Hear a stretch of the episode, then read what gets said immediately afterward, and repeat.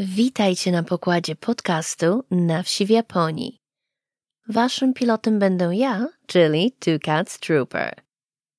Dzisiaj będę odpowiadać na wasze pytania, bo trochę się ich już uzbierało. Gotowi? No to lecimy.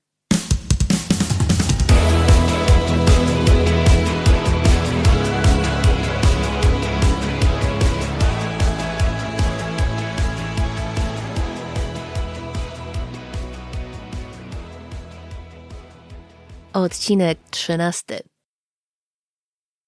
Ja nie wierzę w pechowe trzynastki. Na przekór przesądom i zabobonom wmawiam sobie, że trzynaście to szczęśliwy numer. Więc dzisiaj z okazji szczęśliwego trzynastego odcinka będzie o pytaniach i odpowiedziach. Zrobimy małe QA, czyli coś w rodzaju Ask Me Anything, bo muszę przyznać, że i na Instagramie, i mailowo naprawdę pytaliście się o dosłownie wszystko. I naprawdę muszę powiedzieć, że bardzo mi miło, że chciało Wam się poświęcić czas na zadawanie pytań. Więc bez żadnych wstępów jedziemy z tymi pytaniami i odpowiedziami. Zaczynamy. Pytanie. Are you going to post content in English? Czyli, czy będziesz wstawiać content również po angielsku? Yes. Ale przyznam się, że nie miałam takich zamiarów. Miało być tylko i wyłącznie po polsku ten podcast tutaj. Pamiętam, jak zaczęłam po raz pierwszy robić stories na Instagramie i były one w dwóch językach. I zostałam wtedy dosłownie rozdarta na strzępy przez widzów, obserwatorów, ludzi, którzy to oglądali. Więc dałam sobie spokój. I teraz już tylko wstawiam napisy na Insta Stories, zazwyczaj w dwóch językach. No a dlaczego w dwóch językach? Nie po to, żeby pokazać, jaka jestem światowa bo to właśnie był jeden z tych pierwszych zarzutów od ludzi, którym dwujęzyczność na Instagramie się nie podobała. Ale będę to robić dlatego, że mam sporą grupę przyjaciół i znajomych, którzy polskiego nie znają. Więc teraz zastanawiam się, jak ten content rozpracować na te dwa języki. Bo napisy angielskie zajmują dużo czasu w przygotowaniu automatyczne tłumaczenia YouTube'owskie są po prostu tragiczne. I prawie już dochodzą do wniosku, że łatwiej będzie nagrywać podcasty i po polsku, i po angielsku. No i oczywiście te po angielsku będą musiały być odpowiednio localized, zlokalizowane, żeby dało się je w ogóle zrozumieć a może po prostu nagrywać różny content w dwóch językach. Co innego po polsku i co innego po angielsku. Ostateczna decyzja nie została jeszcze podjęta. Nadal nad tym myślę. Either way, something in English will be dropping soon-ish. Więc kolejne pytanie. Czy nie łatwiej po prostu mieć dwa kanały, jeden po polsku, a drugi po angielsku? Oj, wej, nie. Dwa kanały to dwa razy tyle roboty, a ja aż tak ambitna, no, nie jestem. Ja się ledwo wyrabiam z jednym kanałem. A tak przy okazji, to jeśli słuchacie na YouTubie, to już od kilku odcinków macie również podkład wizualny. Nie zawsze będzie on spójny z treścią podcastu, ale zawsze będę się starała dać Wam coś ciekawego do pooglądania. Dlaczego więc po prostu nie zrobię opisów do filmiku? Hmm, no bo wtedy nie jest to już podcast, a normalny kanał YouTube'owy. I wiecie, dużo więcej osób robi to o wiele lepiej ode mnie. O wiele lepiej niż ja kiedykolwiek dałabym radę. Więc jeśli słuchacie na YouTubie i fajnie się Wam ten podcast ogląda, to byłoby mi bardzo miło, jeśli klikniecie like albo zaobserwujecie mój kanał, bo motywuje mnie to do dalszego działania. I za każde kliknięcie jestem Wam niezmiernie wdzięczna. A teraz kolejne pytanie. Nigdy nie słyszałam o tym miejscu, gdzie teraz mieszkasz, a byłam już w Japonii dwa razy. Czy to jakieś totalne zadupie? Odpowiedź. Mieszkam w prefekturze Gunma, zaraz obok prefektury Tochigi, w północnej części regionu Kanto. Czy Gunma to zadupie? Hmm. Zależy to chyba od tego, jaką ma się definicję zadupia. No, jeśli ktoś zna tylko duże miasta, a japońska prowincja kojarzy mu się z wioskami typu mm, Shirakawago, to zupełnie rozumiem, że o Gumie nigdy nie słyszał. Bo Guma to nudna prefektura. Tylko osiem prefektur w Japonii nie ma dostępu do morza i my niestety jesteśmy jedną z nich. Sejsmicznie też jesteśmy dobrze położeni, więc odpukać. Choć oczywiście odczuwamy trzęsienia ziemi w innych rejonach Japonii, to ogólnie nie są one tu tak silne jak gdzie indziej. I jako, że nie mamy morza, nie mamy więc też zagrożenia tsunami. No, jeśli chodzi o wulkany, to góra Haruna ostatni raz miała erupcję chyba w VI wieku więc nie musimy się o to martwić. Ciut dalej, góra Asama na granicy Gummy z prefekturą Nagano to w tej chwili niestety najaktywniejszy wulkan na całym Honshu. I najtragiczniejsza erupcja miała miejsce w 1783 roku. Ale od tamtej pory, choć Asama jest aktywna, nie przysparza ona większych problemów. Ja, a sama, czy to rodzaj żeński, czy to rodzaj męski po polsku, nie mam pojęcia. Więc jak na warunki japońskie, żyje się w gumie bardzo spokojnie. Jeśli definicja zadupia, to obszary rolnicze więc tutaj może mogłabym się zgodzić, bo gumma słynie z uprawy kapusty, cebuli i koniaku. I 90% japońskiej produkcji koniaku pochodzi właśnie z prefektury Gumma. Na dwie trzecie powierzchni prefektury zajmują u nas góry, a reszta to płaska powierzchnia bliżej Tokio i na tej płaszczyźnie skupia się działalność przemysłowa. Jest to głównie przemysł samochodowy. Więc tak, w zasadzie to mamy dwie różne gumy. Ta górzysta o pięknej przyrodzie i ta przemysłowa, gdzie fabryka fabrykę fabryką pogania.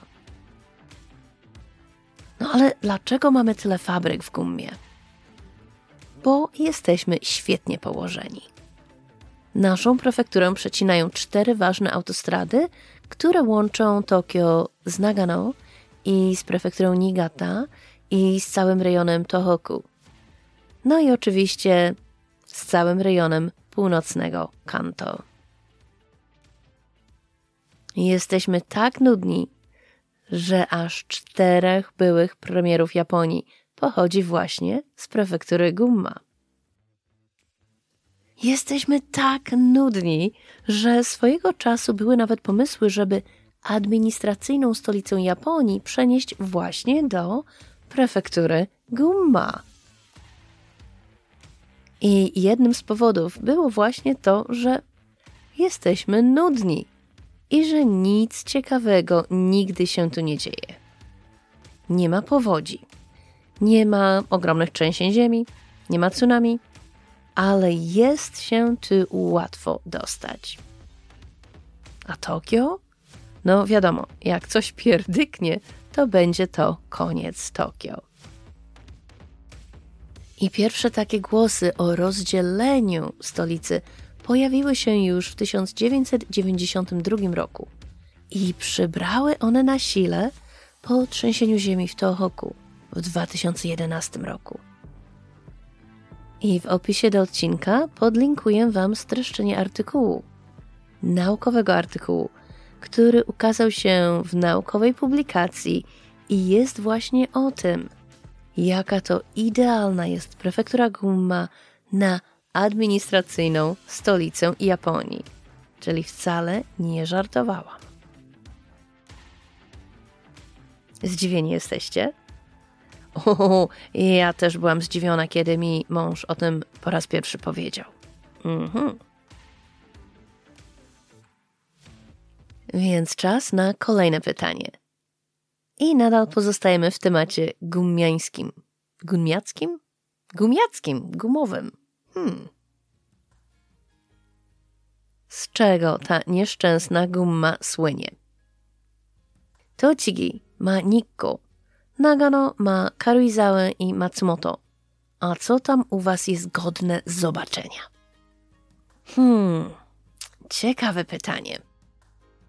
Bo jeśli zapytasz się przeciętnego Japończyka, co on wie o gummie, to odpowie, że nic. Ale jak zapytasz się o Kusatsu Onsen, Oze czy górę Tanigawa, to oczywiście pokiwa głową, że tak, tak, zna te miejsca. Ale po prostu nie zdawał sobie sprawy z tego, że właśnie te miejsca są położone w prefekturze Gumma. Wiecie, co roku w Japonii mamy taki ranking najbardziej atrakcyjnych i nieatrakcyjnych turystycznie i najnudniejszych prefektur.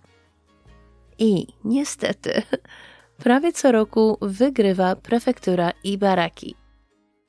Ale również niestety Gumma plasuje się w ścisłej czołówce tych nieatrakcyjnych i nudnych miejsc do odwiedzenia.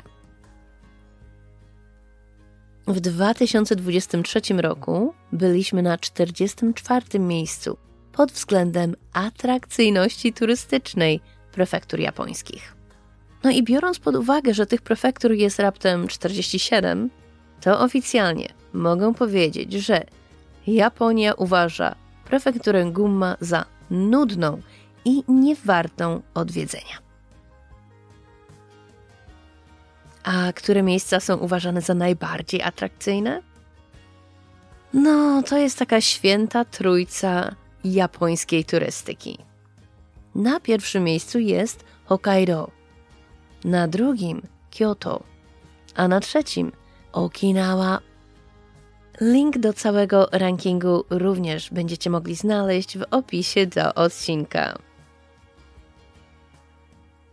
No więc, czy jest tutaj u nas coś w tej nieszczęsnej gumie, cokolwiek wartego odwiedzenia?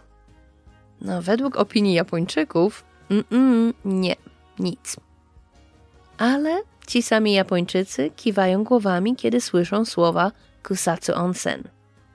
Kusatsu to jeden z najstarszych onsenów w Japonii. Więc czy warto Kusatsu odwiedzić? Oczywiście!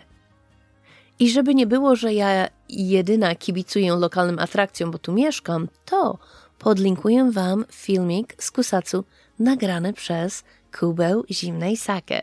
Pozdrawiam! I każdy Japończyk zna albo przynajmniej słyszał o górze Tanigawa. Bardzo często nie wiedząc, że to właśnie ta góra znajduje się w prefekturze Gumma. Tanigawa to tradycyjnie jedna ze stu słynnych gór japońskich. Bo wiecie, tutaj już za dawnych czasów mieli takie wyliczanki. I w obecnych czasach słynie z tego, że jest ona najbardziej morderczą górą w Japonii. I chyba statystycznie na całym świecie. Bo niestety od początku lat 30. XX wieku kiedy zaczęto robić mapy szlaków na szczyt góry Tanigawa. Do grudnia 2014 roku, to ostatnie dane, które udało mi się znaleźć, 805 osób straciło życie podczas wspinaczki na szczyt. 805 osób. Dlaczego? Tanigała przecież wcale nie jest taka wysoka, bo ma raptem 1977 metrów wysokości nad poziomem morza. No więc co się tu dzieje? No, niestety powodów jest kilka, ale na samym czele jest fakt, że Tanigała znajduje się bardzo blisko Tokio i łatwo jest tam dojechać. No i niestety, ludzie z Tokio, z okolic Tokio, weekendowi wspinacze starają się wleść na szczyt bez odpowiedniego przygotowania. No bo przecież po co się przygotowywać? To tylko 1977 metrów nad poziomem morza, no to pestka. No przecież na, na Fuji wyszliśmy i nie było tak źle, no więc co tu się będziemy przejmować, Tanigała? No niestety, rzeczywistość jest bardzo, bardzo odmienna. Drugi powód, który trochę łączy się z tym pierwszym, to pogoda, warunki atmosferyczne. Tanigała znajduje się dokładnie w miejscu, gdzie zderzają się dwa masywne fronty atmosferyczne, które produkują ekstremalne warunki pogodowe. Tak ekstremalne, że, że tak w zasadzie błękitne niebo nad Tanigała widać chyba tylko raz na rok. Tak średnio. I to zazwyczaj w zimie. Przynajmniej takie są moje osobiste obserwacje. No więc, ja tego tam. Guma słynie ze śmierdzących onsenów, gdzie tak jedzie siarką, jak we wrotach piekieł. I jakby tego było mało, to słynie też z góry śmierci, bo tak właśnie nazywają górę Tanigała. No fajnie tu mamy, nie? Ale teraz tak na serio. Nie każdy onsen w prefekturze jest u nas tutaj śmierdzący. I guma faktycznie słynie z onsenów. I jeden z nich, Shima Onsen, uważa się za inspirację do onsenu w filmie Spirited Away w Krainie Bogów.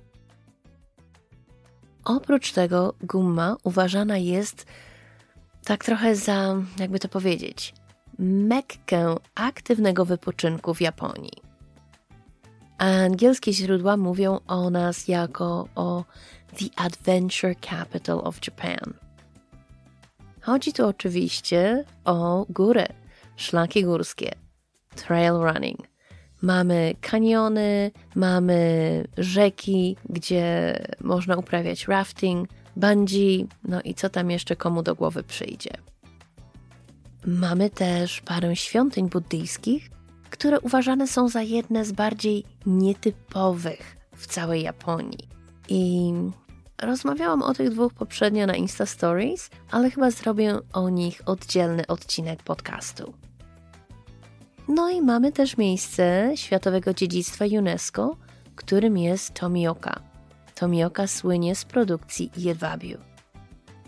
No, chyba jeszcze parę innych rzeczy by się znalazło. O, słyniemy też z lokalnej społeczności peruwiańskiej i brazylijskiej.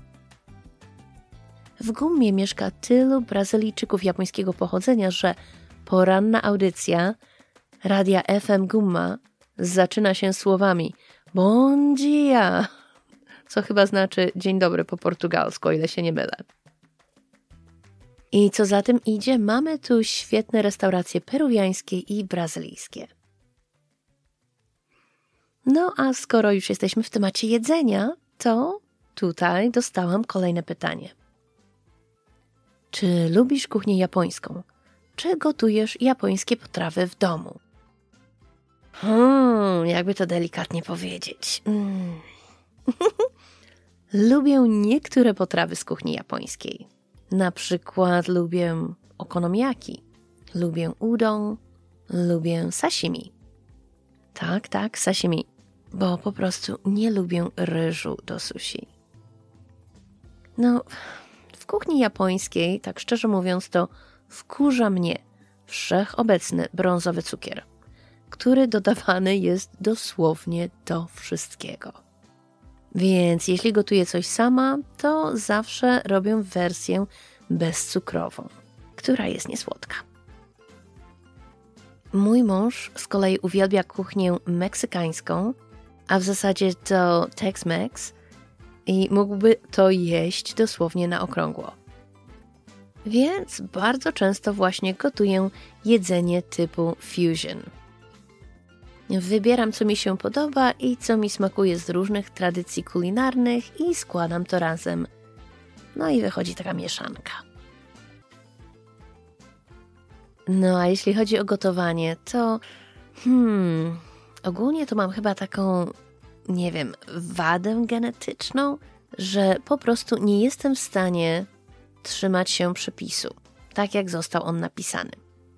No nie potrafię i już. Więc to, co planuję ugotować i to, co wychodzi, mogą, ale nie muszą być zupełnie innymi potrawami. Na szczęście mój mąż nie jest zbyt wymagający i zje wszystko.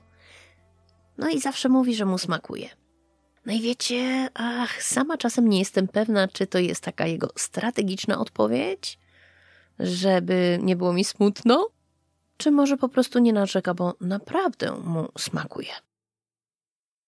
No ogólnie, jak już wspominałam na Instagramie, na Stories, i to właśnie chyba ta Stories um, sprowokowała to pytanie. Wspominałam, że nie kupujemy gotowców, czyli gotowych produktów do spożycia. I kiedy mówię gotowce, nie mam tu na myśli pudełek typu, typu bento. Mam na myśli gotowe jedzenie, które w Japonii jest dosłownie wszędzie. Zazwyczaj są to mrożone gotowce. Wystarczy je tylko rozmrozić. Robię wyjątek chyba jedynie dla zup, ale tylko wtedy, kiedy muszą ugotować coś na szybko. No bo do takiej zupy z paczki można dodać cokolwiek się chce, cokolwiek się lubi, no i obiad jest gotowy w dosłownie 15 minut. Wyjątek robię też dla Okinawa Soba, bo bardzo lubię, jak już wiecie, no i zawsze przywożę z Okinawy kilka, kilka paczek ale tak jak już wspominałam, są to raczej wyjątki niż reguły w mojej kuchni. Rodzina mojego męża ma totalnego bzika. Jest absolutnie zakręcona na punkcie zdrowego jedzenia. Więc mm, siłą rzeczy, no chyba tak przez osmozę, również zaczęłam się dostosowywać. Z kolei jeśli chodzi o bziki, to ja kiedyś miałam bzika na punkcie japońskich słodyczy i szeroko pojętych snack, snacków. Ale w tej chwili, choć pewnie ciężko jest wam w to uwierzyć, patrząc na moje Insta Stories, to dosyć rzadko sobie na takie ekstrawaganckie, kaloryczne rozpusty pozwalamy. W tej chwili moją słabością są frappuccino ze Starbucksa i jeśli chodzi o napoje, to Coke Zero. Ale oprócz tego żywimy się świeżo i głównie roślinnie. No i muszę Wam tu szczerze powiedzieć, że było to dla nas nie lada wyzwaniem, bo oboje jesteśmy mięsożerni. Ale ograniczamy konsumpcję mięsa ze względów zdrowotnych. Nie mamy w planach przejścia na kompletny wegetarianizm albo weganizm, bo uważam, że wszystko można jeść, tyle że z umiarem. No właśnie, tylko że czasem niestety tego umiaru brakuje. I tutaj taka mała uwaga. Bardzo wiele osób za granicą uważa kuchnię japońską za zdrową. No ale ja powiem Wam, że niekoniecznie tak jest. Nowoczesna kuchnia japońska nie mówię tu o tradycyjnej, mówię tu o nowoczesnej kuchni japońskiej, tak jak się w tej chwili gotuje w japońskich domach. To niestety ta nowoczesna kuchnia japońska to bardzo dużo dań smażonych, oblepionych majonezem i, jak już wspominałam, z dużą zawartością cukru. No, niestety, sposób w jaki jedzą Japończycy się zmienia. No i, jak łatwo sobie wyobrazić, nie zawsze zmienia się na lepsze. Dobrze, więc teraz zmieniamy trochę temat, bo kolejne pytanie brzmi tak. Wiem, że lubisz podróżować, ale jakie byłoby Twoje idealne miejsce, gdzie chciałabyś zamieszkać? Hmm, jak przeczytałam to pytanie, to natychmiast pomyślałam, a chodzi o Japonię, czy tak ogólnie? No to bardzo takie szerokie pytanie. Więc tak sobie pomyślałam, że idealnie to chciałabym mieszkać nie dalej niż dwie godziny jazdy samochodem od pięknego oceanu i plaży i nie dalej niż trzy godziny jazdy samochodem od stoków narciarskich. I kiedy przetłumaczyłam to mężowi, to hm, powiedział, cytat, brzmi jak Kalifornia. Koniec cytatu. No, nawet o tym nie pomyślałam, muszę tak szczerze przyznać. Ale ponieważ w tym życiu o Kalifornii mogę sobie tylko pomarzyć, więc jak się nie ma co się lubi, to się lubi co się ma, więc się lubi prefekturę Gumma. Ale znowu szczerze, nie mam na co narzekać, bo Gumma jest fantastycznie skomunikowana z całą resztą Japonii. I na upartego to można by nawet powiedzieć, że spełnia te moje dwa wymarzone warunki. Mogę stąd dojechać w miarę szybko do oceanu albo morza. Plaże nie są piękne, ale od biedy w lecie da się tam fajnie pobawić. No i oczywiście mamy dużo krócej niż 3 godziny do stoków narciarskich. No i oczywiście jesteśmy w pobliżu Tokio, więc mamy do dyspozycji dwa duże międzynarodowe lotniska. Więc cały świat stoi przed nami otworem. Ale nawet pomimo tych wszystkich cudownych rzeczy, nie przeszkadza mi to od czasu do czasu pomarzyć. No wiecie, takie marzenia. Na przykład pomarzyć o przeprowadzce na moją ukochaną wyspę Yonaguni, czy do mojego ulubionego miasta w prefekturze Miyazaki, taka cicho. Czy wy też czasami tak marzycie? Hmm, chyba tak, chyba każdy tak ma. No a teraz kolejne pytanie. Czy będziesz podcastować o tematach innych niż japońskie? Oczywiście. Ale skoro mieszkam w Japonii, to taka jest moja codzienność. Taka jest moja rzeczywistość, więc najłatwiej jest mi właśnie rozmawiać o tej tematyce. Ale nie martwcie się, będą też i inne tematy. Pytanie. I muszę przyznać, że jest to moje ulubione pytanie. Hej, o co chodzi z tym hełmem szturmowca z Gwiezdnych Wojen? Dlaczego? I czy naprawdę latasz z tym hełmem po całym świecie? Odpowiedź. No, jak już wspominałam chyba w pierwszym odcinku, ja bardzo lubię Gwiezdne Wojny. A szturmowcy, uważam, mają najfajniejsze hełmy i są natychmiastowo rozpoznawalni przez niemal każdego, niemal wszędzie, na całym świecie. No więc dlaczego ten hełm? Ach, bo cała zbroja szturmowca wymaga dodatkowej walizki, a hełm to tylko bagaż podręczny. I tak naprawdę latam z nim po całym świecie. Zaczęło się to przez przypadek, kiedy w 2018 roku wracałam z Polski do Japonii linią Emirates. I na lotnisku w Warszawie obsługa Emiratów przyczepiła się do tego, że miałam naprawdę bardzo malutki bagaż podręczny, prawie taką, taką torebkę na laptopa i właśnie ten hełm w plastikowej torbie. I chciałam zabrać oba te bagaże do kabiny. No, niestety obsługa Emiratów powiedziała mi, że według nich można mieć tylko jedną, jedyną sztukę bagażu podręcznego. No fajnie, więc zapytałam się ich, czy kapelusz liczy się jako bagaż podręczny. Odpowiedziano mi, że, że oczywiście, że nie. Okej, okay, fajnie, więc wsadziłam hełm na głowę i właśnie tak wsiadłam do samolotu. I tak to się zaczęło. Obecnie nie wsiadam do samochodu w hełmie na głowie, bo mam specjalną torbę przeznaczoną na kask motocyklowy i w którą tą torbę właśnie hełm wchodzi mi świetnie i bezproblemowo i mogę ją zabrać jako bagaż podręczny. No, czasami osoba prześwietlająca bagaże podczas kontroli bezpieczeństwa wybiera właśnie moją torbę do ręcznego sprawdzania. No, zazwyczaj jest to zupełnie bezproblemowe, ale od czasu do czasu zdarza się, że funkcjonariusz security pyta, czy może sobie założyć mój hełm na głowę i czy może sobie zrobić selfie. No przecież nie będę, nie będę się kłócić z kontrolą bezpieczeństwa, więc ja mówię, że tak. Tyle, że potem muszę zdezynfekować środek tego hełmu. No i jak już mówiłam, zazwyczaj jest to zupełnie bezproblemowe i tylko jedyne miejsce na świecie, gdzie do tej pory miałam nieprzyjemności podczas kontroli bezpieczeństwa, kiedy leciałam właśnie z moim hełmem, to Indie. Mhm. Ale wiecie, Indie to Indie, więc machnęłam ręką, bo. Yeah, Indie to taki dosyć specyficzny kraj. O, no właśnie, skoro już jesteśmy w temacie szturmowca, to właśnie stąd pochodzi mój internetowy nick, mój username. Bo Trooper to skrócona wersja Stormtrooper, czyli szturmowiec.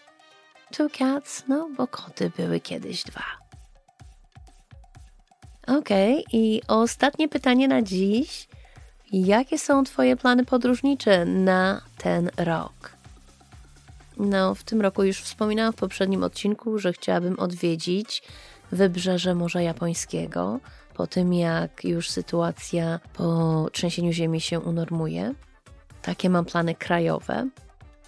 A plany zagraniczne są takie, że w marcu wybieram się do Tuvalu z przesiadką na Fidżi, więc będzie bardzo ekscytująco. Zupełnie nie wiem, czego oczekiwać i niestety nic więcej nie mogę Wam na ten temat powiedzieć, bo po prostu nie wiem. Tak niewiele osób odwiedziło Tuwalu, że czuję się jak prawdziwa podróżniczka, a nie turystka. No i oczywiście hełm szturmowca poleci tam razem ze mną.